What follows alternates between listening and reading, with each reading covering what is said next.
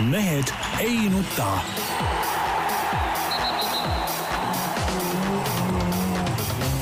mehed ei nuta. tere teisipäeva, Mehed ei nuta eetris ja on suutnud lõpuks ennast kõik siia stuudiosse vedada.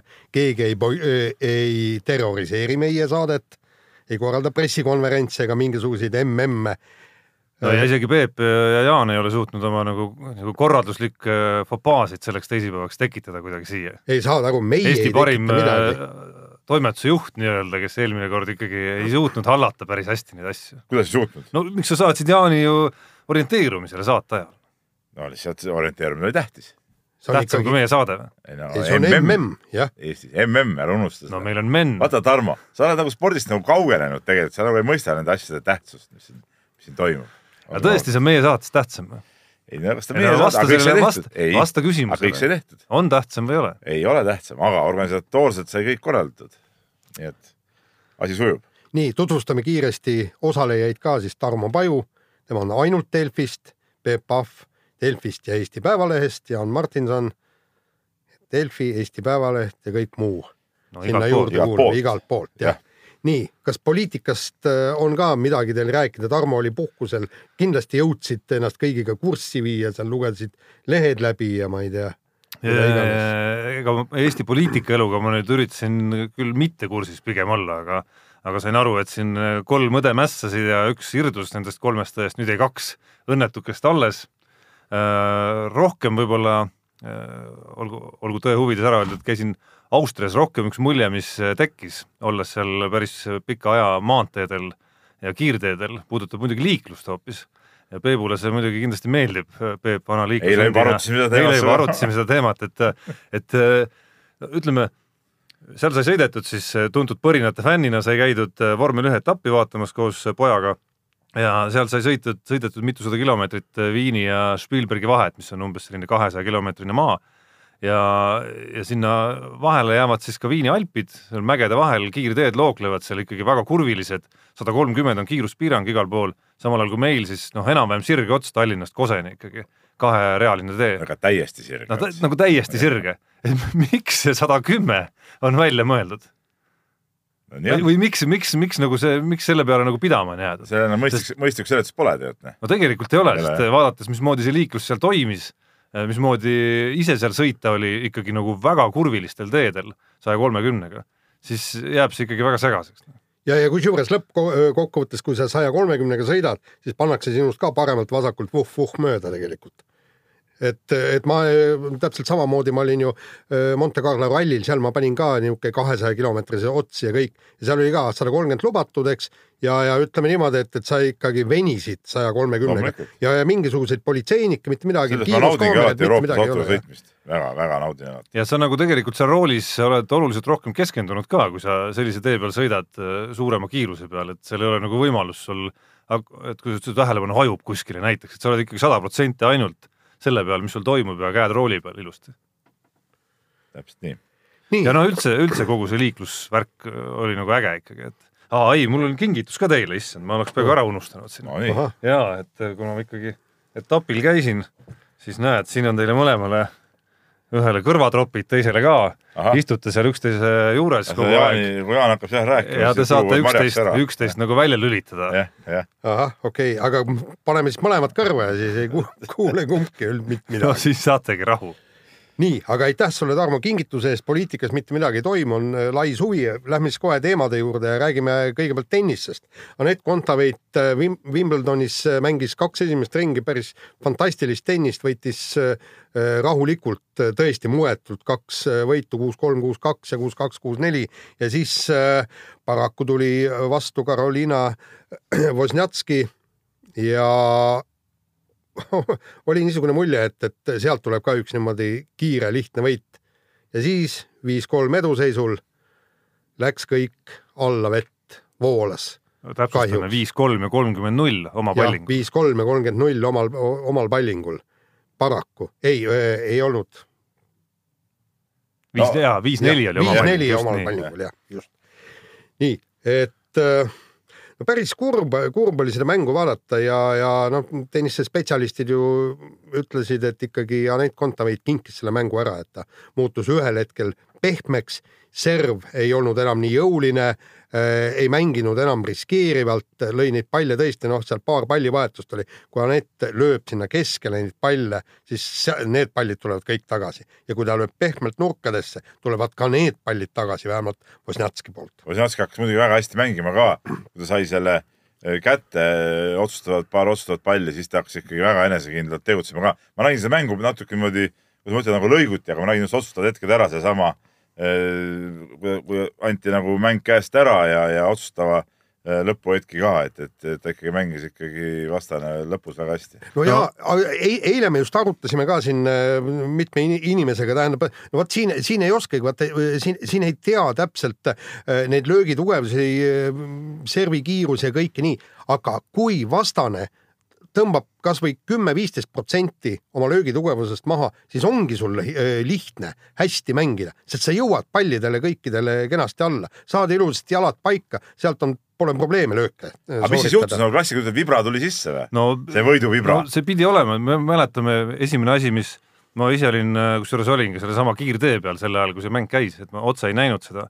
aga esimese asjana, kui ma lugesin kokkuvõtet sellest, et mis seisu pealt see mäng nagu ära läks siis mis seal salata, esimese asjana tuli meelde ikkagi see Kaia Kanepi ja Petra Kvitova kunagine Wimbledoni veerandfinaal, mis tõsi, noh, kus tõsi, Kaia Kanep oli võidule veel lähemal, aga noh, mitte nüüd, mitte ka väga palju, et et siin tõesti selle neljakümne nulli peale oleks saanud, oleks kolm matšpalli Anett Kontaveidil olnud. et no midagi ei ole teha tennises ja tegelikult ju väga paljudes mängudes, isegi, isegi noh, ma ei tea, polegi vist ala võib-olla, kus, kus see faktor nagu mängu ei tule et üks asi on mängida väga head mängu, teha väga head võistlust, teine asi on see võidu vormistamine. tennises eriti on sul punktide vahel veel ekstra aega rohkem mõelda, meenub Jaan meie üks lemmikmänge golf, kus ka sa oled nagu tundide kaupa tegelikult nagu oma mõtetega seal kahekesi ja, ja väga legendaarseid mahamängimisi on ka selles spordiajaloos ju olemas.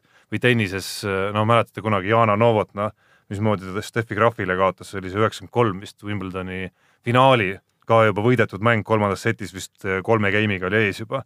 et, et seal on aega nagu mõtlema hakata lihtsalt ja näiteks Anett rääkis, et kuidas oli häirinud just kolmkümmend null eduseisul äh, löögi ajal, keegi oli äh, seal kuskil röögatanud midagi ja, ja äh, täpselt löögi ajal ja, ja siis see löök ebaõnnestus. oli enne lööki siiski see hüüatus. või siis enne... see muidugi on, see on mingi tennisistide mingi lollus, tead.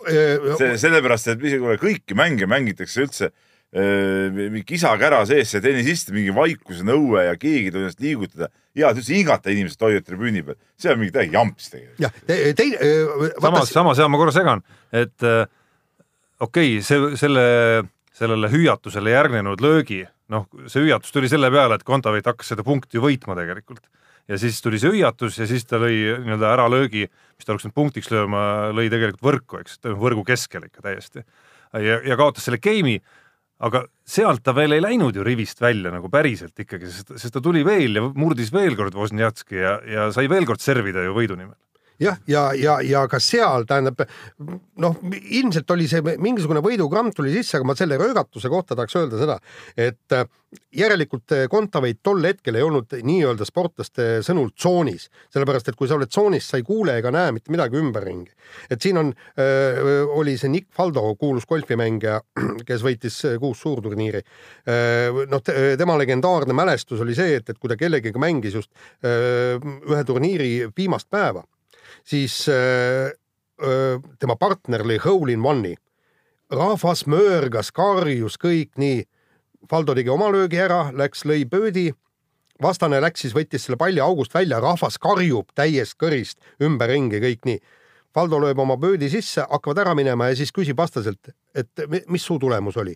ühesõnaga, ta ei näinud ega kuulnud ei rahva röökimist ega seda hole in one'i, kuna ta oli niivõrd meeletult keskendunud oma mängule ja, ja, ja ma olen ka Kaia Kanepiga rääkinud, kui ta ütleb, et, et kui ta on tsoonis, siis on see visioon on niivõrd kitsaks läheb, ta näeb ainult seda tennisemängu, ta ei kuule, ta ei näe mitte midagi enda ümber. jah, aga noh, nendes mängudes, mida sa kirjeldasid, noh, kui me sinna golfi juba läksime, siis seal ka ikkagi sa näed tihti, kuidas, kui keegi napilt enne lööki seal häält hakkab tegema selles üleüldises vaikuses, noh siis isegi kõige kõvemad tsoonimehed või naised kuulevad ikkagi seda ja on häiritud ja jätavad oma soorituse pooleli. tennises sa seda teha ei saa, et üldise vaikuse foonil, kui see üks karjatus seal tuleb, siis ikkagi see segab sind no,. noh, aga selle loogika järgi peaks olema nii, et korvpallis ka, kui see ütleme, rünnak käib, pall jõuab seal viskaja kätte, siis peab eh, saal jääma automaatselt haud vaikseks, sest et mees ei saa keskenduda viskeks ju. aga noh, seal, seal on see vahe, et seal ongi üks melu kogu aeg taustal ja seal ongi üks no karjumine see ongi kogu aeg. normaalne, spordivõistluse juurde käibki ju melu noh. jah, lihtsalt tennis on nagu vaikus, tavaline foon ja siis tuleb üks karjatus, noh. miks just mingi... vaikus, seal ju ka peale punkti aplodeeritakse ja, ja. ei, ma mõtlen nagu punkti ajal, mängu ajal. miks seal peab vaikus olema? ja aga muide vot see, no see on küll, see on nagu õige küsimus iseenesest, minu arust ka ei ole see nagu põhjendatud, miks ma ei või hakata juba seal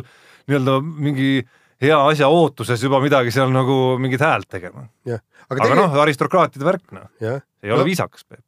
Olgu selle karjatusega, kuidas on, et tegelikult ma loodan, et, et Anett Kontaveit äh, teeb nüüd põhjaliku analüüsi, mis nüüd juhtus. ta vaatab kõik täiesti punkt punktilt, serv servilt, löök löögilt äh, need hetked läbi ja teeb endale selgeks, kus kohas äh, tulid need sisse apsud, et just tema enda mõtlemises ja, ja ma arvan, et treeneriga pannakse see asi paika. okei okay,, täiesti kindel, et selliseid kaotusi tuleb tal veel ette, aga ma loodan, et mitte liiga tihti. Aga Jaan, aga praegu jääb sellest jutust kõlama see, nagu Kontaveit oleks selles mängus nagu alt läinud. tegelikult nii ei saa ütelda, ta mängis ju endast selgelt tugevama positsiooniga mängija. no ei, ma- arvan, et tegelikult ta ei mänginud oluliselt äh, tugevama mängijaga, see, mis paberil on, nad on ju tegelikult, kui vaadata noh, seda mängu kui sellist e esimeses kahes setis, siis seal oli Kontaveit üle, lõpus oli äh, Vosnjatski üle. tähendab, ma ma pakuksin välja, et nad on enam-vähem võrdse tasemega mängijad. see on ikka nii, see on ka muudes pallimängudes nii, et eh, noh, nõrgem eh, mängib tugevamaga pool mängu, kolmveerand mängu mängib võrdselt ära, mängib veel Kossus kolmekümne kaheksa minutini ära, aga lõpuks kahe minutiga ikka see tugev võtab üldjuhul ära oma asjad. ja sama, samamoodi oli praegu tennises, nii oligi.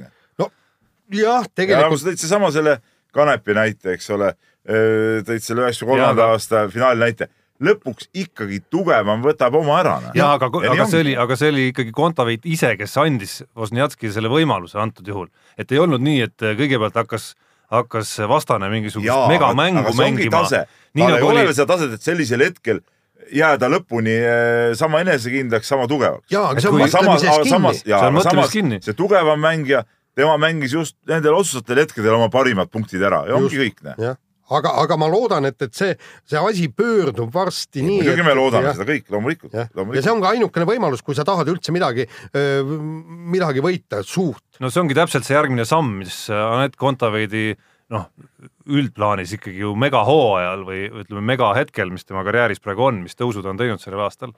et see ongi see järgmine samm, mida nüüd vaja aga kas see samm saab olla sel hooajal juba, kas see samm, me ei oota nagu liiga pikka sammu no nii ja naa, nii ja naa, selles mõttes, et meil on lõunanaabrite juures näide, kes äh, tegi Ei. mitte ainult selle sammu ära kohe nii-öelda ühe hooga, vaid tegi ka järgmise sammu ära, see, mille jaoks Novotnal läks kunagi aega pärast seda kuulsat kaotust veel vist viis aastat, kuni ta lõpuks selle ei, kätte sellega ma olen nõus. aga Et ongi erinevad näited, mõned- mõned- enamik mängijaid- niisuguseid pikki samme ei tehta. jaa, aga enam, enamik, just, enamik mängijaid ei jõua kunagi isegi nii kaugele kui Kontaveit, siis on väga palju mängijaid, kes jõuavad umbes sarnase piiri peale ja sealt seda sammu ei suuda edasi teha, siis on need, kes suudavad võib-olla selle ära teha, jõuda seal veel finaalide, poolfinaalideni ja siis kuidagi seal hääbuvad seal ja siis on kuskil Ostapenkod, kes noh, või, või siis ma ei tea, mõned, kes vanemas eas selle ära suudavad teha, on siin kolmekümneselt ka tehtud seda, kes siis jõuavad nagu päris lõpuni välja ja siis on veel need üksikud tipud, kes võidavad neid kümneid kordi. nii, aga lõpetame selle teemaga. Ja lähme nüüd edasi siis kiire vahemängu juurde ja äh, Eesti jalgpallis, klubi jalgpallis toimus äh, väike skandaal ehk siis võib öelda torm veeklaasis, kui äh, Sokernet internetiportaal kirjeldas äh, meil Infoneti euromängu kui impotentset ja sellega solvas meeskonda ja portaalile pandi staadioni keeld, ei tohi tulla sisse, ei tohi siis põhimõtteliselt mänge näha, noh, ilmselt kirjutada tohib kuskil. väga impotentne otsus, ütleme niimoodi. No ääretult. see on ikkagi nii, vaata, et eh, vihastad, järelikult mul on õigus, et järelikult eh, oligi, mäng oligi impotentne, nii nagu see Sokkernet kirjutas. ja, ja siin ei olegi midagi teha, noh, kui vihastasid selle peale, nad ise ka seda tajusid tegelikult ja, ja nii ongi. no tegelikult, väga-väga tontlik otsus, tontlik käitumine. tegelikult nagu ma ja, ja ma eeldan muuseas, tead, me ei olegi seda veel arutanud, aga ma eeldan, et kui see keel peab paika, ega siis ega meie ei kavatse Infonetist äh, kirjutada midagi sinna staadionile minna. ma arvan, et ka sõbrad äh, Õhtulehest, Postimehest seda ei tee ja nii ongi. no paraku nii, nii tuleb teha. nii ja, tuleb ja... teha, siin tuleb üleüldine boikott välja kuulutada kohe. jah kas siin, kas siin isegi nagu jalgpalliliit ei võiks kuidagi, kas Sokernet on ju, kas mitte Jalgpalliliidu väljaanne praeguseks või vähemalt on Jalgpalliliit ostnud osa, omandanud osaluse seal ehk siis Infonet on sisuliselt Jalgpalliliidu äh, noh, esindajale vähemalt kaudses mõttes on kehtestanud staadioni keelu see on ju veel nagu mingi jaburuse nagu nii-öelda üks pööre sinna juurde veel, mitte et sellest veel vähe oleks, et et nii lihtsalt solvuda ja ma ei kujuta ette, mis siis Inglismaal tribüünid peaks ajakirjanikest tühjad, tühjad olema ilmselt. no ilmselt peaks olema. Liverpooli me... mängul ma arvan, ükski meedia esindaja ei saaks käia vist praegu, praeguseks vähemalt. võib-olla uued mingid kollanokad tulevad ja saavad, enne kui nad on ühe korra öelnud midagi halvasti meeskonna mängu kohta ja ja noh, siis kui see juhtub, siis on nad läinud jälle. ja ütleme niimoodi, et valutaluvus võiks Infoneti juhtidel ikkagi äh, natukene kõrgem olla, et see on ausalt öeldes piinlik, ei ole see impotentne mäng, mis, mis oligi impotentne. no see ei ole ju nii hull väljend, ta ei solvanud ju kedagi. ta kirjeldas lihtsalt väljakul toimuvat kui ta oleks öelnud mängi. võimetust, äh, võimetut olukorda. just, oleks, oleks ta konkreetselt kellegi persooni kohta öelnud, eks, et näed, et see on nagu impotent, eks, no siis oleks võib-olla seal mõtlema hakanud, aga, aga kui mäng on impotentne, siis ta ongi impotentne. nii, aga jalgpalli juurde jääme, vana arm ei roosteta, Andres Ooper on tagasi jalgpalliplatsil ja andis kolmandas liigas Viimsi klubi eest kaks väravasöötu. no, no normaalne, aga minu arust see on täitsa tavaline, et niimoodi äh, tippspordist loobunud äh, pallimängijad jätkavad tegelikult mängimist äh, nii-öelda amatöörliigades, esimeses, teises, kolmandas liigas. täitsa normaalne ja Euroopa ei ole mingi nii vana mees, et ta ei võiks seal mängida kolmandat liigat. no ma arvan, taseme poolest, kui ta füüsiliselt vormi ennast ajaks, võiks ta kindlasti veel meistriliigaski mängida, kui tervis muidugi vastu peaks.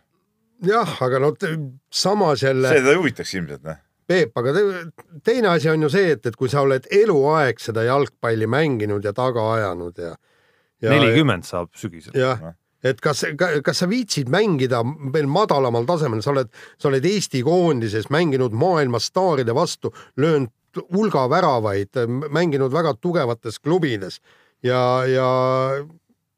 aga mängivad ju, mängivad, võta sama, võtame korvpalliski, Aivar Kuusmäe siin Panathinaikos mänginud mees on ju ka mänginud seal seda malli, seda amatöörliigat, äh, mingeid veteranide mänge, ikka mängitakse no,, miks ka mitte. on väga erinevaid näiteid muidugi, on ka neid, kes no,. Tanel kes... Tein näiteks ei ole kordagi palli kätte võtnud. no just noh, et see on ikkagi. pigem see on nagu, see on nagu tontlikum näide, et see Tanel Teini näide no miks? no ma ei tea, kas ta tontlikum on, selles mõttes neid näiteid mulle meenub erinevatelt alad. no okei okay,, see on nüüd, nüüd on tontlik näide. Äh, kunagine Eesti meister alal millest me siin rääkisime ei, ka. siis niipea, niipea, oot-oot-oot, niipea kui tase natukene langes, on ju, enam trenni nii palju ei teinud, keeldus väljakule aastaid tulemast. ei no seda ei, ei, ma, ei, ma käisin ju kogu aeg vaikselt mängimas. mida sa käisid, sa ei mänginud, aastaid sa ei mänginud. ei, ei, ma mängisin pidevalt. ei, vahepeal sa ei mänginud, tean siiski. ei, vahepeal siis, kui ma olin, mul olid ju kaks lõikust oli, kus ma saan kipsis jalaga minna mängima, aga selle eest ma käin tennist mängimas praegu. proovin ennast tennises jälle üles upitada ma ei tea, kas see, mida te teete seal tenniseks kvalifitseerub, aga noh no, aga okei okay.. nii ja naa, ütleme niimoodi, kui, kui meie ühe mängu äh, parimatest hetkedest teha niisugune minutine highlight, siis on see päris kena tennis ausalt öeldes. minutiline või? aga miskipärast ei usu. ei, tegelikult. mis ma arvan, et see vaim... pretendeerib igavama highlight'i mingi tiitlile. noh, näiteks paar ässa lõin täna ja siis ühes võrgus sain väga kauni punkti ja need oleks kaunistanud sa, iga. sa ässa servisid niimoodi, viskad palli õhku niimoodi kõksti. ma ei tea, kelles mängisid Märdiga või? noor reporter Roosna lihtsalt. lasi sul paar ässa lüüa. ka kõvasti kaalus juurde, ei jõudnud lihtsalt pallile järgi sinna. ei, ei, ei ma servisin täna hästi. okei okay,, see ei huvita muidugi. kas see nii, et reketi keeled purunesid või? no üsnagi, pean reketit uuesti spannima. selge, nii, nii., aga mm, lootustandev, nii nagu Jaan on lootustandev tennisist on äh, lootustandev seis ka Tartu korvpallis, sest et äh, eile ilmus siis äh, sotsiaalmeedias see foto, kus oli näha, et tervenisti kolm meest alustasid hooaja ettevalmistust ja, ja miks ka mitte, kõik liinid on juba põhimõtteliselt komplekteeritud. on mängujuht Tanel Sokk, on ääremängija Kent-Kaarel Vene ja tsenter Heivo Parrol, noh no aga siin oligi ju värske uudis sellest, kuidas äh, Läti korvpallurid tulid, mis nad olid siis maailmameistriks kolm korda kolmes või? Euroopa meistriks. Euroopa meistriks, et et noh, siit ju võib-olla läheb rõhk selle peale edaspidi. ei, ei, aga ma ütlen nii, et vaata, kui sa hakkad ikkagi võistkonda panema, sul ongi, sul on kolm liini, eks ole, nüüd on nagu need tugipostid on paigas ja nüüd sinna hakkad siis ümber ehitama. no mängujuhist ja tsentrist ikkagi, need Jah, on nagu nii-öelda nurgakivid ikkagi alati, ja, ja kus, kusjuures eile me arutasime, et et saab trenni ka ilusasti teha, mängida saab, mängivad üks-üks, võitja lauas on ju. no tõe huvides olgu muidugi öeldud, et äh, mis vähemalt noortekoondisi puudutab, siis äh, on Tartul vist kõige rohkem äh, nii-öelda mängumehi nendes koondistes üldse koondistega seotud ja, ja nad teevad trenni seal. et, et päris nii hõre see seis ei ole siis ei. no aga kas sa ei hõre muidugi ei ole, lihtsalt eh, see ongi nagu väike, lihtsalt eile nagu tuli see pilt ja seal noh, seal väike hämmastus oli, et Heivo Parrol tõesti nüüd Tartu võistkonnaga on liitunud, et et kas läks ülikooli õppima või, või kuidas see variant seal tekkis. oota, kuule, Peep, tee mulle selgeks, sina käisid nüüd praegu laagris, kas sul oli ka seal kaks-kolm mängijat laagris, sul oli kogu sats oli? mul oli, mul oli põhimõtteliselt mul oli puudu siiski üks vigastatud mängija ja üks mängija, kes oli nii-öelda rahvusvahelises laagris ja aga mul oli neliteist meest oli kohal jah. no tehke mulle selgeks, miks ei saa äh, Tartu Rock kõiki mehi treeninglaagrisse nüüd kutsuda, alustada ettevalmistust. tehke mulle selgeks. Eesti korvpallis ei ole nii kombeks lihtsalt noh, ma ei tea ühtegi satsi, kes siin praegu täisvõimsusega treeniks, ma tean, et mingid Pärnu mehed on kuskil käinud laagris seal paar, paar ütleme meistriliiga meest ka koos treeneriga ja koos noortega. aga siukest, siukest täislaksuga harjutamist pole, pole võistkondigi ju. Ja aga no ma loe ütlen, mulle ette näiteks, kes mängib see Rapla võistkonnas näiteks No ma ei tea. tuleva loel praegu tänase seisuga. rosterit ei ole, ma arvan. no absoluutselt ja selles mõttes ma tahakski Tartu kaitseks nii palju veel lisada, et ma nüüd näppude peal üles ei lugenud, aga ma arvan, et kui meestekoondis, universiaadikoondis, U kaheksateist ja U kuusteist peale kokku lugeda, siis umbes kümmekond eh, potentsiaalset laagerdajat on seal kõik olemas. ja kindlasti, kindlasti. nii, aga võtame järgmise teema ja jääme korvpalli juurde ja äh, Rapla Kossusatsi hõbedale vedanud Toomas, Toomas van der Maars läks siis finaalivastase Kalev Cramo leeri, tõmbas särgi selga ja nüüd treenib ja hakkab nüüd, ei, ta veel ei treeninud, ta on siiski Hollandi koondise juures praegu. okei okay., no aga seal treenib, seal treenib seal treenib. jah, et, et see oli nagu oodatud üleminek vist. see oli oodatud üleminek, sest et tegelikult nii-öelda kuluaarides oli sellest juba juttu siin äh, mitu nädalat tagasi, et see on, on nagu lähedal see asi ja, lõpuks sai teoks ka ja minu arust äh, väga normaalne, normaalne variant, tegemist on kindlasti mängija, kes nii-öelda, mina pakun välja, et tema rolliks jääb ikkagi nii-öelda nagu teise tsentri roll ehk back-up äh, sobib väga hästi, ma arvan, ka VTB liigas siukseks kümne-viieteist minuti meheks väga-väga okei okay.. et kui miski selle ülemineku juures isiklikult üllatab, siis see, et see juhtus alles sellel suvel, mitte juhtunud varem juba, sest Toomas van der Mars jõudis Rapla särgis nii-öelda veenda potentsiaalselt tugevamaid meeskondi juba varem, juba eelmiseks suveks tegelikult, et et vähemalt äh, Kalev Cramo nii-öelda back-up tsentri rolliks on ta kindlasti väga hea mees. ja ka kiire vahemängu lõpetuseks äh, läheme kergejõustiku headuse ja, ja nii-öelda päris elu juurde, ehk siis Gerd Kanteri suur konkurent Pjotor Malahovski müüs maha oma Riia olümpiahõbeda ja kõik seda siis selle nimel, et päästa üks kolmeaastane poiss silmavähi küüsist ja vähemalt esialgu tundub ja loodame, et see nii ka jääb, et, et sellest kingitusest ja sellest ab- ravist oli kasu. videost nägime, kuidas äh, rõõmus poiss äh, vuras juba jalgrattaga ringi ja, ja ei no see on väga-väga kõva värk noh. no ja tegelikult no mis, mis tähtsust on seal, ütleme, kui panna kaalukausile nüüd see medal versus äh, lapse elu, eks ole no siin ei absoluutselt ole midagi võrrelda. siin ei ole midagi võrrelda ja tegelikult kõik need lõpuks, kui sa, hakkavad kõik need medalid ja karikad endal öö, seal kodus kuskil tolmu koguma ja, ja no nii, nii ta on tegelikult, et medalist lahti ja poiss päästetud. jah, et ega siis põhiline on ju see nii-öelda see elamus, kogemus ja mälestus sellest medalivõidust ja sellest protsessist ja sellest hetkest, kui see konkreetne rõngas sul seal paela otsas. no just ja annaalidesse ja sa jääd kogu aeg olümpiahõbedaks. nii, aga järgmine saate osa ja nüüd on Peebul kirju ette lugeda no üht-teist. kirju on siin, aga meil on huvitav see, et need ki- kirjade sisu kipub ikka tihtipeale korduma ja, ja Martti on meile kirjutanud äh, ütleme siukse läbi aastate kestva äh, küsimuse, kõigepealt me ütleme, meil on super saade, mida ootab igal teisipäeval, loomulikult Martti peadki ootama, vot edaspidigi ja küsimus on selline, miks ei räägita teie saates MotoGP-st, Moto3, Moto2-st, palju huvitavam kui vormel üks või mõni muu selline asi. noh, mis meil on õigustuseks ütelda? ega meil ei olegi mitte midagi õigustuseks öelda, aga ma omaenda õigustuseks ütlen lihtsalt seda, et, et seda sporti on öö, tulnud öö, niivõrd palju, et, et ma tõesti pean personaalselt millestki loobuma ja paraku on see MotoGP, millest ma loobun, seda enam, et pühapäeval on meil kõige tihedam tööpäev ja ma ei, ma ei jõua ka telekas seda, seda või, võidusõitu jälgida ja, ja, ja paraku ta nii on. siiski võimaluse piires mina küll MotoGP-d jälgin ikkagi, kui ei saa otse vaadata, siis ka õhtu kasvõi kordusest, et see tegelikult etendusena, ma olen seda siin korduvalt ka öelnud, on see tõesti nagu, tegelikult nagu kõvem kui vormel. ta on ikka palju, palju põnevam, seal on mees mehe vastu ja, ja, ja see on väga-väga vinge asi. aga meil on vist äh, väike nagu rõõmusõnum siiski öelda ka selle koha pealt, koostöös Viasat Sport Balticu kanaliga ja, ja sealsete kommentaatoritega on meil järgmine etapp on vist kolme nädala pärast, kui ma nüüd peast õigesti mäletan, on meil sel teemal rohkem sisu tulemas küll, nii et püsige ootel. ütleme siis jutt käib nagu Delfi, Delfi portaalis seda sisu, mitte Mehed ei nuta saates otseselt, aga, aga põhimõtteliselt jah, Tarmo on õigus, et, et seal on tulemas, on tulemas sellised asjad, nii et tasub tasub Delfis käia. vaata, kui ma ikka sain, tulin siia tööle, asjad hakkasid nagu paremuse poole liikuma, et ega siin, siin midagi, midagi, midagi muud üle ei jää. tahad sa sellest rohkem äkki analüüsida seda? ei, siin pole midagi analüüsida, no ütleme, asjad räägivad iseenda eest ju. no seni ei ole veel midagi rääkinud, vaatame. kuidas nii? no kas tuleb ka siis midagi või ei tule, hetkel ei ole ilmunud midagi. no sa juba hüüdsid välja ju. tegid ennatliku avalduse või? ma ei tea, kuidas on, sa peaksid teadma ju. küll tuleb, küll tuleb. nii, aga meil siin aeg pressib peale, lähme, lähme vist teemadega edasi, et, et.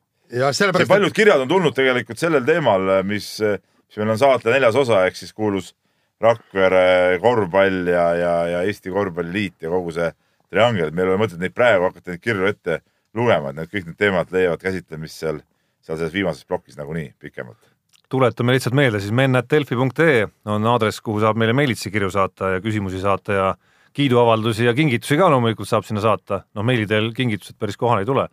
aga selleks tuleb äh, Narva maantee kolmteist üles otsida.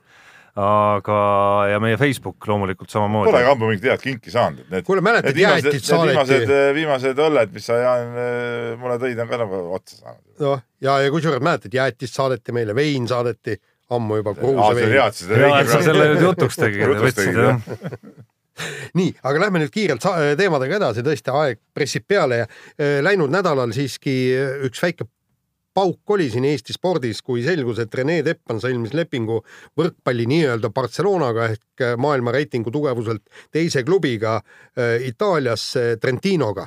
et, et see oligi tegelikult ootamatu, ootamatu minek sinna ja põhimeheks esialgu Teppan küll ei saa äh,, Itaalia koondislase nii-öelda back-up mees, aga klubi on ikkagi kõva.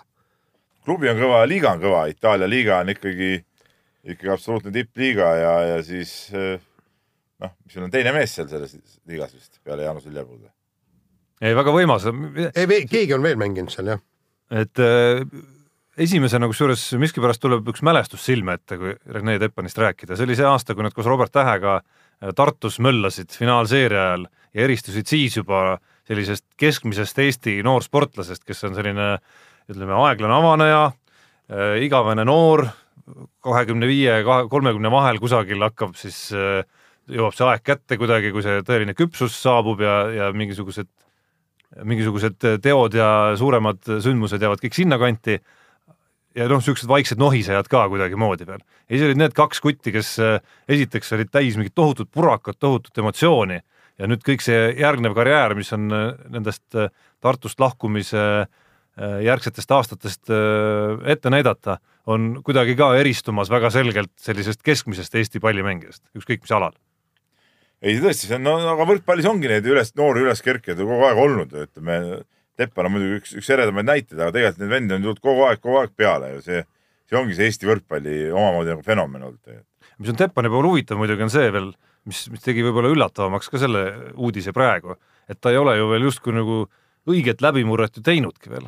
Et kas, kas või koondises on ta siiski ikkagi ju asendusmees, tõsi, ta on väga tähtsatel hetkedel suutnud Oliver Venno välja no vahetada mingitel hetkel olnud ka tema ja ees põhimees, aga viimasel ajal on jälle Venno ikka põhimees olnud. ja, ja, ja teine asi oli see ka, et, et ta ju mängis Austria klubis, mis, mis on küll tugev klubi, eks, aga kindlasti mitte, mitte maailma tippe. ja, ja sealt, sealt nagu ta mängis Innsbruckis vist, eks ole. äh, Hüpo Türel. no Hüpo Türal jah, jah, ja, ta seal on mänginud ju palju-palju eestlasi Jah. läbi aastate. aga, aga ma loodan sü südamest, et Teppan ei jää sinna Trentinosse pingipoisiks. no okei okay,, esimene aasta võib-olla küll, aga see oleks ülivinge, kui ta äh, suudaks äh, põhimeheks sealt saada. no see Mina- tähendaks see, et ta, ta oleks ikka maailma absoluutne tipp. ja aga selles äh, nüüd ongi see küsimus, et kuidas ta ise peas suudab äh, üldse paika panna seda oma rolli seal. et, et ta ei ole number üks, et ta peab palju olema ikkagi nagu taustal treeningutel kõvasti möllama ja töötama, et, et see teda nagu vaimselt ära ei hävitaks. ja, ja siis, kui see, öö, mingisugustel hetkedel tuuakse sind platsile, kui sa oled nii Ja-, kui sa ja oled nii siis- kõvas klubis, siis on tõenäoline, et neid hetki tekib juba sellepärast, et sa juhid matšides näiteks sellise seisuga, kus põhimehel on mõtet puhkust anda. täpselt jah. vot nii, üks küsimus tuli ka vahepeal, kusjuures meile laivis ehk siis äh, meie kuulaja Georg küsib, kuna ketast läheme kolmekesi heitma? jah, pidime minema, sina olid puhkusel, vahepeal mina olin ära, siis oli Peep ära, aga ma arvan, et selle, selle aja ikka leiame. no peaks selle suve jooksul teeme ära. just. jah, tegemist on siis, meenutame kuulajatele legendaarse äh, kuidas öelda, utsitusega, mille Aivo Normak meile ette pani, ehk siis kolme peale tuleb heita rohkem kui Gerd Kanter üksinda. No põhimõtteliselt, kui Gerd Kanter MM MM-ile läheb, vot siis, mis tulemuse tema sealt saab, meie lähme siis äh, järgmine päev ja proovime selle üle heita. ei, sa oled Peep vist, oled ise ka ma olen MM-il siiski. seal kohapeal jah. ja, aga pärast MM-i, aga pärast MM-i MM-i alguses, siis me päris kohe tagasi ja, ja aga pärast MM-i, vot siis lähme proovime heita äh, Kanteri ketta tulemuse üle. see viib mõtted muidugi selle juurde veel, kui jutuks juba läks, et äh, sel aastal suure tõenäosusega on äh, taaselustamisel äh, ajakirjanike legendaarne kümnevõistlus. ma loodan, et äh, kaaskolleegid on stardis. kindlasti ei ole. tähendab äh, tund aega tennist ja mul on põlved ikka üsna valusad kuni järgmise hommikuni. no mis seal on, sada meetrit jooksed umbes kahekümne sekundiga, üks kaugushüppe sellest punkti katse, vist ei saa. no vahet ei ole, üks kaugushüppe katse, see võtab, null punktiga oleks ka nagu nadi. ja täpselt, no mõne punkti peaks sealt ikka kätte saama. Et noh, ütleme sooritustele endale ei kulu siiski äh, ma, eriti palju aega, kõige rohkem võtab aega, nelisada, tuhat viissada ikka päris Õige. rajud asjad. ei no okei okay,, aga ikkagi, kui sa räägid tunnistajast tennises, siis ma arvan, puhas sooritus kümnevõistluses on vähem muidugi, isegi. seda muidugi. no ei tea mina kui siiski ajakirjaniku kümnevõistluses vana veteran ja korduvalt, korduvalt seal osalenud äh, mehena ma ei, ma nii resoluutselt ei ei ütle, aga, aga ütleme, ega see, ma vaatasin neid pakutud kuupäevi, et ega seal mul ei ole väga lihtne see osalemisvõimalus iseenesest. Oi jah, hakkab, hakkab pihta, aga me vahetame teemat, ma tahtsin veel Teppani kohta nii palju ainult öelda, et et et ma ei usu elu sees, et sellisel tasemel klubi äh, värbaks endale varumeheks meest, kes ei ole võimeline suut-, võimeline suuteline võitlema põhikoha eest ikkagi. noh, sellistes satsides peab olema ju selline nagu vägev konkurents kogu aeg üle. ei tea, vot see on tahtmise asi, võib-olla tahetakse luua, ma loodan, et see ei ole, tahetakse luua mugavat eh, olukorda just sellele põhivennale, et tema enesekindlust nagu hoida pidevalt üleval. et siis, kui midagi temaga juhtub, et siis ei, Ei, oleks no ei. sellel positsioonil oleks äkitselt ei nagu, tühjus. loomulikult mitte tühjus, aga ta, temalt ei oodata juba Teppanilt tõusma, esinumbriks tõusmist. ma noh, ma ei tahaks uskuda, aga vahetame teemat, läheme sõudmise juurde ja Eesti sõudmise pühaleht, Eesti neljapaat ei saa kuidagimoodi hooga üles. tuleb välja, et äh, paadi kaan on natukene liiga suureks läinud. Et eh, istuvad mehed nenakesi sisse, hakkavad tõmbama, vesi tuleb üle ääre sisse, no ei saa sõita enam. noh, tegelikult nagu selgus, et üks sajakilone mees ehk siis, et äh, Tõnu Hendrikson on täiesti paadis okei okay,, aga siis, kui teine noor mees Anderson tuli sinna juurde ka sada pluss kilo, paadil ei ole seda tasakaalu ja põhimõtteliselt noh, nagu äh, Mati Killing äh, kirjeldas, ütles, et, et, et ei saa kuidagimoodi nagu seda paati libisema seal vees ja, ja, ja nüüd nad äh, proovivad vist äh, järgmine kord Kuslapit ja, ja ma ei tea, kellega nad sinna MM-ile üldse lähevad, et, et see, et Andrei Jämsa nüüd hooaja vahele jätab, et see pani ikka nihukese põntsu. korralik löök. see on korralik löök, aga huvitav, et need no- noored mehed, kas noh, kas, kas tõesti on nüüd selles, et, et kodanik kaalub sada kilo ja sellepärast ta on väga hea sõudja, suudab tõmmata kõik nii, aga kuna ta kaalub sada kilo, sellepärast paat ei liigu No. no.. ma ei, ma ei kujuta ette. siis tuleks nagu natukene veel. rohkem suuta tõmmata lihtsalt, see ongi see asi kui tuleb kilosid juurde, peab tõmme ka kasvama lihtsalt veel suuremaks raske mehe kohta, järelikult tõmme on ikkagi nõrgavõit. nii, aga võtame selle ploki viimase teemana veel üles jalgpalli teema ja, ja eks eh, tõestus jälle see, mida polnudki tarvis tõestada, me teadsime nagunii kogu aeg, et Eesti klubi jalgpalli tase on alla igasugust arvestust, eurosari on väga hea sihuke lakmuspaber. ainsa Eesti klubina pääses siis eurosarjas edasi Nõmme Kalju, et, et kõik muud, mis te siin rääkisite eh, Maltal eh, tööõnnetusest ja mis te siin mingi saade rääkisite, Tarmo? Äh, ma ei tea, kodus äh, ei suudetud seda no seesama nagu, seesama nagu infonet töö eduks äh, pöörata. ja no seesama infonet nagu seesama ajakirjaniku, ajakirjanikule tehtud keel näitas, noh, ongi üks suur tööõnnetus sel aastal ikkagi. Eesti liiga tabeliseisu vaatad, siis noh, tiitlikaitse kohta ka kuidagi tööõnnetus paistab pigem oli kõik. eelmise aasta tiitel oli suur üllatus. noh, ja nüüd nad on jälle oma tavalisel tasemel tagasi, noh. No ma ei tea, ma ütleks, et see sats, ta ei olnud ju väga tööõnnetus või tööüllatus, see eelmise aasta võit, kui sa hakkad No võtma.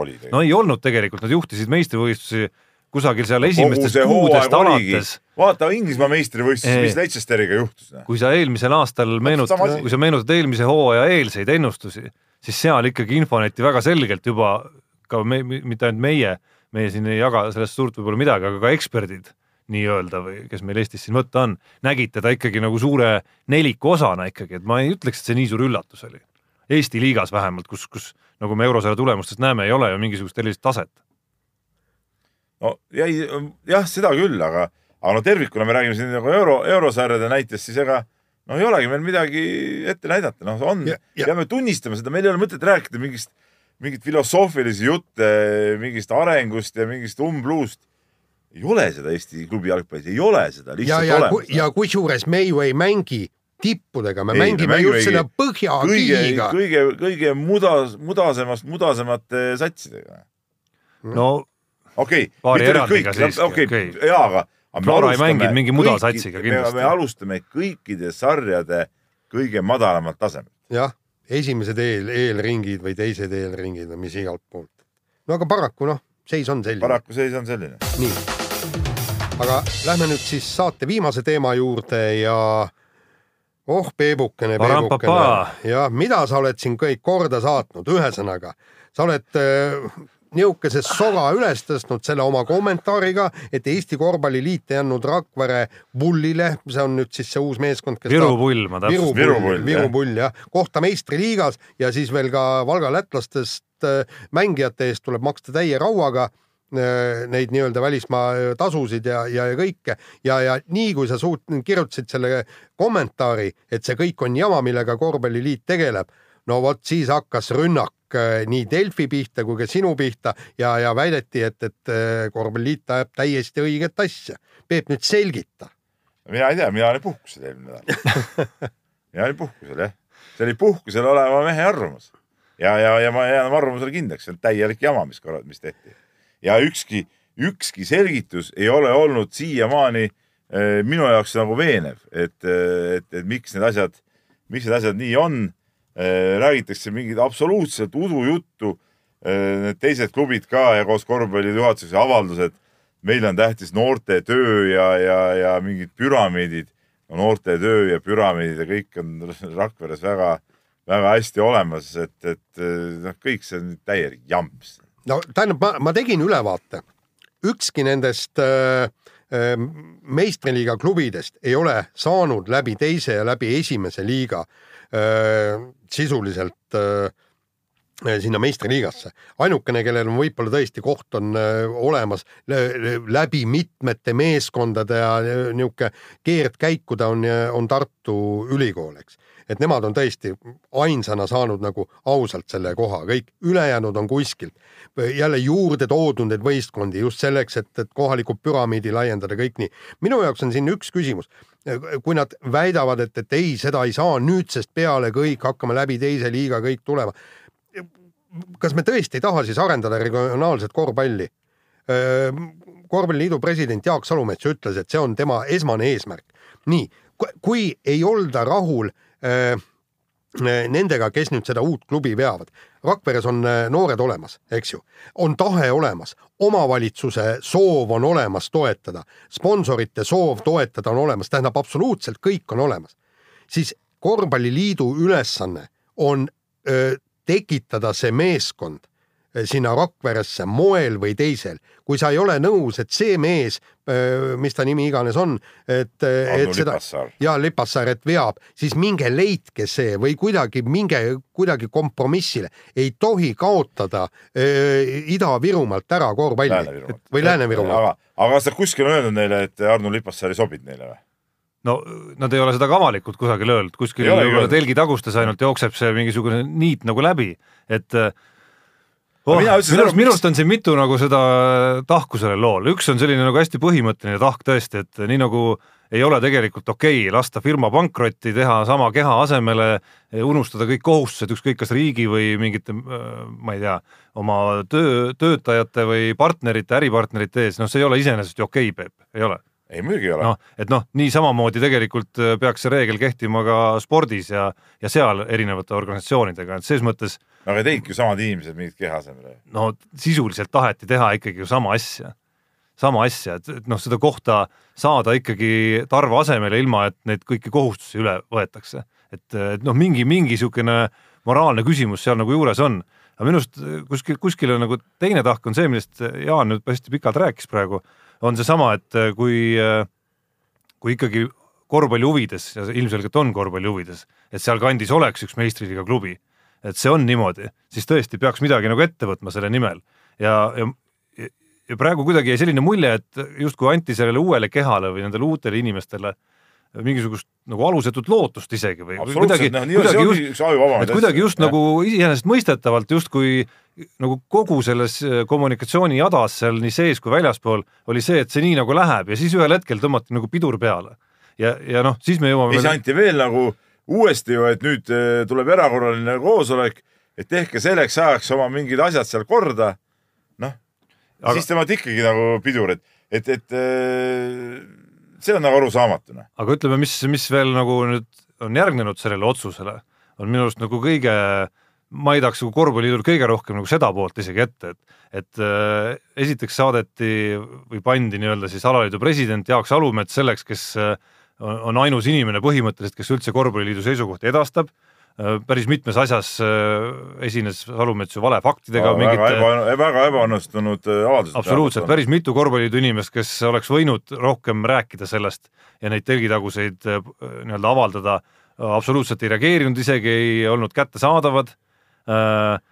ei olnud kedagi, kes oleks võib-olla rääkinud nagu mingist laiemast pildist, ma ei tea, sellesama äh, Äh, klubi eestvedaja mingitest äh, maksuvõlgadest ja sellest, et ta ei ole võib-olla kõige usaldusväärsem ärimees olnud seni näiteks oma senises tegevuses, mis on kindlasti, ma arvan, oli ka mingisugune faktor.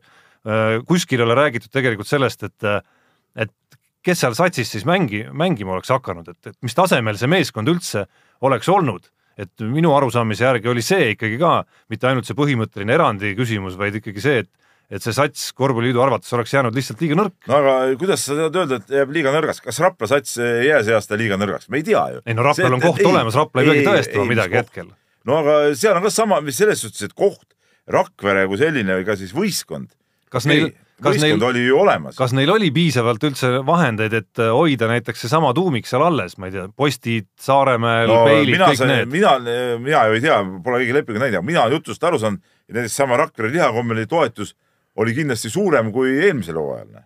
noh, mina olen kuulnud jälle sellist, arvat, sellist see... juttu, et see nagu palgafond sellel nii-öelda lubatud palgafond oli ikkagi nii väike, et see sportlik tase tekitas korvpalliliidul nagu sellist no, suuri kahtlust. sellisel juhul peaks ju küsima, eh, mis, mis siis Audentese tase on, ega siis needsamad noored vennad ju eh, mängisid ju seal ülemineku mängus, mängisid selle Audentese vastu neid Äh, põhiturniiri mänge. see olid ju kõik need äh, Sten Saaremäed ja, ja kõik need vennad, üheksakümmend üheksa aasta poisid, üheksakümmend kaheksa, seitse, said ju mängitud küll ju noh. ja nemad lähevad ju, ju arenevad iga aastaga edasi ka.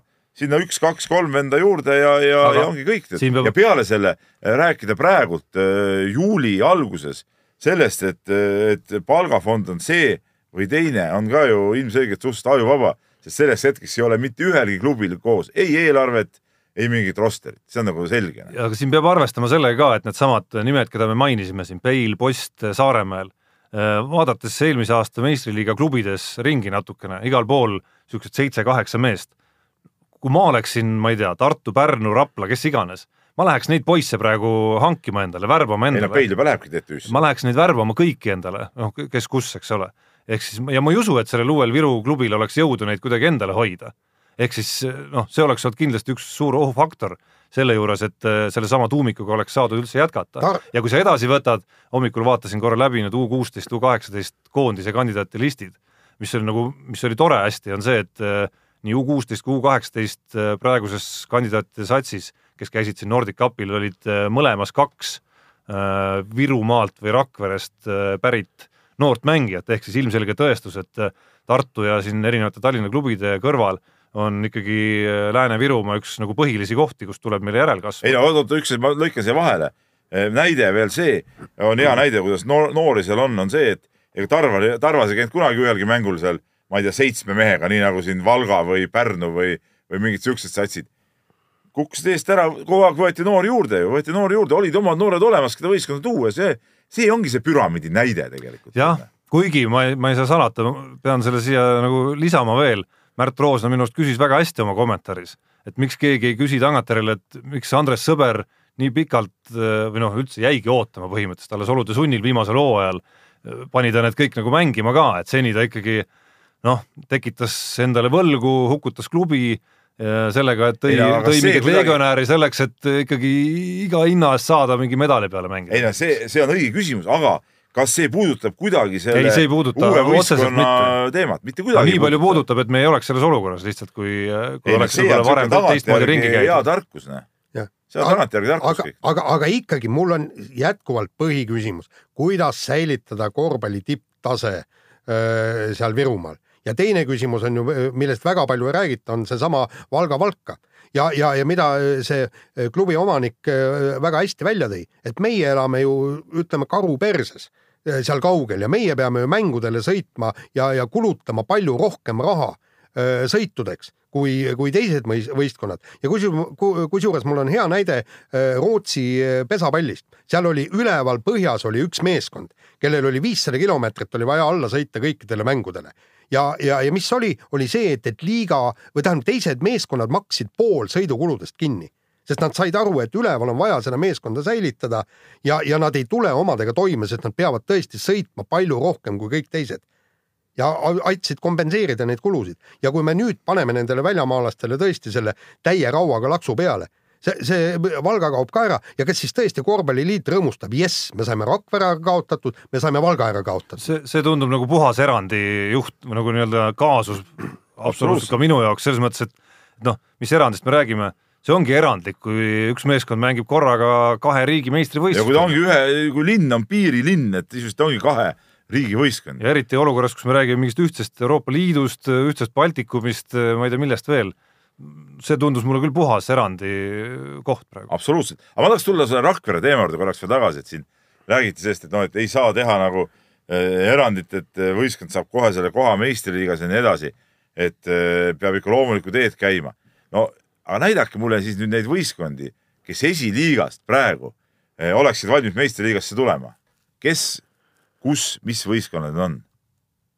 Mina ei tea siukest võistkonda no no,. Mina ei tea siukest võistkondi. see Tiit Soku No, võistkond. aga nad ju kaotasid nende samadele äh, Rakvere noortele pupujukkudele, nad ju kaotasid üleminekumängud ju noh, selgelt ju. seal ei olnud ju, siis ei olnud ju Rakverel enam mingeid legionäre ju mängisidki need, need paar äh, nii-öelda äh, eelmine aasta teisest liigast tulnud Tõnis Peil, eks ole, Post, veel mõned vennad, eks ole, seal ja kohalikud noored, kõik. Ja aga minu meelest ongi, kui, kui korvpalliliit tahab asja nii ajada, siis öö, ajame öö, seda asja täpselt nii, nagu on ette nähtud. kellel klubid, kellel on võlad, osaleda ei saa meistriliigas. teine asi on see, et tehke süsteem korda. meistriliiga viimane kukub välja esiliiga tõuseb üles, või tõuseb üles just ja, ja järgmised peavad te- teise koha ja eelviimase koha omad peavad üleminekumänge ja oleks väga okei variant ja. väga okei variant ja tehkegi niimoodi ja, ja ei mingisuguseid erandeid. ka võlgade suhtes. aga no me näeme ikkagi seda tohutut haprust, mis siin on, nagu süsteemitus tegelikult selles, et, et noh, ega aasta kaks tuhat seitseteist suve seisuga ei olegi vist esiliigas ühtegi satsi, kes, kes noh, ma ei tea, okei okay,, sellesama Soku satsi puhul oli jutt, et me perspektiivis näeme seda võib-olla juhtumas. seda juttu on räägitud, Tarmo, juba kolm-neli aastat juba. selliseid satse, kes praegu, kelle juhid praegu ütleksid ära, et meie eesmärk on, ma ei tea, ühe, kahe või kolme aastaga jõuda meistriliigasse. on seal mõni? no ütleme Viimsi, kes tõusis teisest liigast esiliigasse, mina saan aru, nende eesmärk on eh, jõuda ka välja võib-olla sinna meistriliigasse, sest samas geograafiliselt ei anna see Eesti korvpallile mitte midagi juurde jälle. Mitte midagi juurde, põhimõtteliselt tegemist on Tallinna võistkonnaga. nii, et selles suhtes eh, okei okay,, ma saan aru, spordipublitsiiga tõuseb muidugi, ega kätt ette ei pane ja, ja seal aetakse asja kõvasti ja, ja väga viis pluss kõvad. aga kui me vaatame üldpilti, siis see meile nagu midagi juurde ei anna ju teeme üks, üks Tallinna võistkond, sama Soku võistkond, jälle Tallinna võistkond. Jaak Salumets jutt sellest, et, et umbes nagu mujal ei saakski olla meistriga võistkond, et ei no paratamatult ikka koosseisud koonduvad, raha koondub Tallinnasse, mängijad koonduvad Tallinnasse. mis, mis jutt see on? Siis tähendab seda, et suretamegi siis meistriga tasemel kõik ääremaad ära ja mängimegi ainult Tallinn, Tartu ja ma ei tea, Pärnu või? no, vaatame, jutt ju noh. paneme siia kõrvale tõesti selle võrkpalli, kui nad praegu teevad Saaremaale klubi ja see on väga vahva. tuli raha tulid mehed, kes tahavad klubi teha, kõik, koht on olemas meistriliigas. Nad ei tõuse kuskilt esiliigast sinna ju no. kohe on koht olemas, geograafiliselt on sinna vaja võistkonda, väga hea, on tegijad, kes tahavad teha palun proovige, tehke, no milles asi on? ja, ja kusjuures äge on see, et nad tahavad just neid äh, Saaremaa või äh, mehi endale sinna võistkonda tuua. ei et... no, no ongi toonud juba ja lisaks kasvab sealt peale kogu aeg ka ja, veel mingil müstilisel just. kombel, kusjuures kuskilt otsast vaadates on see ikkagi päris uskumatu, et sealt kogu aeg tuleb neid. just, ja ta peakski olema niimoodi, et noored mehed äh, Virumaa noored mehed, Saaremaa noored mehed lähevad esmalt oma, oma kodulinna meeskonda mängima ja sealt nad siis tõusevad öö, edasi kõrgemale, kas siis Kalevisse, Rocki või, või siis, või siis lähevad kuhugi Euroopasse. nii see peaks püramiid olema. aga sa mõtle nüüd, et noored mängijad nüüd, need Rakvere noored mängijad tahavad edasi mängida, siis nad peavad minema Raplatesse, Tallinnasse kuhugi, noh, no see ei ole jätkusuutlik. üks, ole... üks küsimus veel ikkagi tegelikult, millel ei ole konkreetset äh, vastust, mida ma ei usu, et see niimoodi läheks. näiteks kui, ma toon, see on natuke absurdne näide, aga, aga näiteks äh, ma ei tea, Ateena Panathinaikose omanikud leiavad, et, et noh, teeks Eestisse nüüd superklubi, investeeriks siia, ma ei tea, miljon eurot äh, per hooaeg. kas tõesti Eesti korvpalliliit käsiks sellele klubile hakata teisest liigast üles? muidugi, loomulikult no,. ole, Jaan tõsiselt arvad seda? ei no ma usun, ma usun Salumetsa, ma usun Salumetsa. tõsiselt arvad seda? ei, nad peavad seda tegema no,. Peavad seda tegema muidugi, enam ei ole mingit küsimust isegi. mulle, mulle meenub kusjuures no ütleme, Itaalia on selline maa, kus natukene päris tihti klubid käivad nagu no ütleme, klubidega juhtub vahel nii nagu Rakvere Tarvaga juhtus. ja meenu-, mäletad, Peep, Bolognas oli, oli ka mingil ajal kaks suurt klubi, mitte üks, eks ju. ja üks neist, ma mäletan, visati ikka ühel hetkel väga külmalt, hakkasid jälle algusest tulema. no aga seda saab teha Itaalias, kus on äh, neid äh, võistkondi palju ja süsteeme on palju. kas Eestis, kas see on nagu mõistlik Eesti tingimustes? minu arust ei ole no minu arust ei ole see mõistlik Eesti tingimustes. mulle tundus. muidugi ei ole mulle, mõistlik. kas Valga, kas äh, Valga, Valka võistkond tõusis Läti meistriliigasse läbi esiliiga? Ei tõusnud ju, ta võeti sinna ju kohe ju. just, aga, aga saad no. aru, nüüd on uued süsteemid, meil on uus juhatus, meil aa, on uus president. kõik pidid mängima nelja ringi ka, nagu tuli ühest intervjuust välja, ühe suure mehe intervjuust, aga ei mängi. ei, stopp, vot kindlasti peavad mängima siin äh,. Jaak Salumets ütles, et mängivad, järelikult nad peavad mängima. aga kui ei mängi, mis me teeme siis? ei no aga, ka, ei no aga siis no,, siis selgub, et Jaak Salumets on valetaja, aga, aga seda ma ei usu suur mees ei valeta. järelikult äh, Kalev ja Rokk mängivad kaks ringi. neli ringi. või neli ringi, jah nojah, selle, suur mees selle, ei valeta. selle teadmisega, vaata, me plaanime neid oma korvpalliülekandeid ka siin võib-olla asju, et eh, plaanime siis ikkagi ära, et Kalev mängib ikkagi, ikkagi kõigiga jah, neli, neli korda. suurmees ütles, nii on, nii on.. aga noh, ütleme Rakvere naastes, no mulle tundub, et see resümee on ikkagi seesama, Jaan tõi, tõi selle väga hästi välja, et eriti pärast seda, kui seal oli enam-vähem selge, kes seal veda-, veavad asja Rakveres, mis seal ohukohad või, võivad olla, kui oli selge, et on olemas ikkagi paar nii-öelda noh, seesama lihakombinaat ja linn, kes on nii-öelda oma tuge valmis jätkama või kasva- või kasvatama isegi, siis oleks saanud korvpalliliit võtta seda oma initsiatiivi ja, ja nii-öelda koos nendega siis noh, ütleme siis teha selgeks või aidata kaasa sellele, et, et mismoodi saaks see sats sündima. mitte ei oleks saanud, vaid see oli nende püha kohus just.. sellepärast nad ongi loodud sinna Jah. Saku Suurhalli tagatuppa istuma. just ja, ja, ja võta kasvõi see nii-öelda hoia pilk peale, tähendab korvpalliliit hoiab finantsidel pilgu, pilgu peal ja kõik niimoodi, et, et ta vaatab ja jälgib, et asju õigesti aetakse. just, et noh, me näeme, mis toimub samal ajal jalgpallis, kus võib-olla jah, võimalused on võib-olla veel paremad, eks ju. Seal on, on ju üleminek tulemas plaanile, kus jalgpalliliit lausa kavatseb hakata nii-öelda palgatoetust maksma erinevatele klubidele. okei okay,, see ei, see ei toimu minu arusaamise järgi vist sel moel, et kuidagi mingid klubid saavad seda rohkem ja mingid kohad vähem, eks ju. aga noh, mõte on ikkagi teistsugune, et eh, tehakse kõik selle nimel, et see liiga kui selline saaks paremaks, et me ei peaks rääkima siin sellest, kuidas jälle eurosarjas äh, järgmisel aastal või ülejärgmisel aastal või kümne aasta pärast neljast Eestit esindanud klubist äh, heal juhul üks edasi. ja, ja kusjuures aidatakse just neid regionaalseid nõrgemaid klubisid, et äh, ka nemad muutuksid professionaalseks klubiseks. kõik need Paided ja öö, Pärnud ja, ja kõik, et, et neile just see eelkõige ongi seda alaliidu töö. just, neile on seda palgatoetust eelkõige vaja. nii, aga teemad on ammendatud, tegime rekordi. tegime rekordi, aga, aga te saite tund aega väga ägedat saadet, nii et kuulake meid äh, täpselt nädala pärast. mehed ei nuta.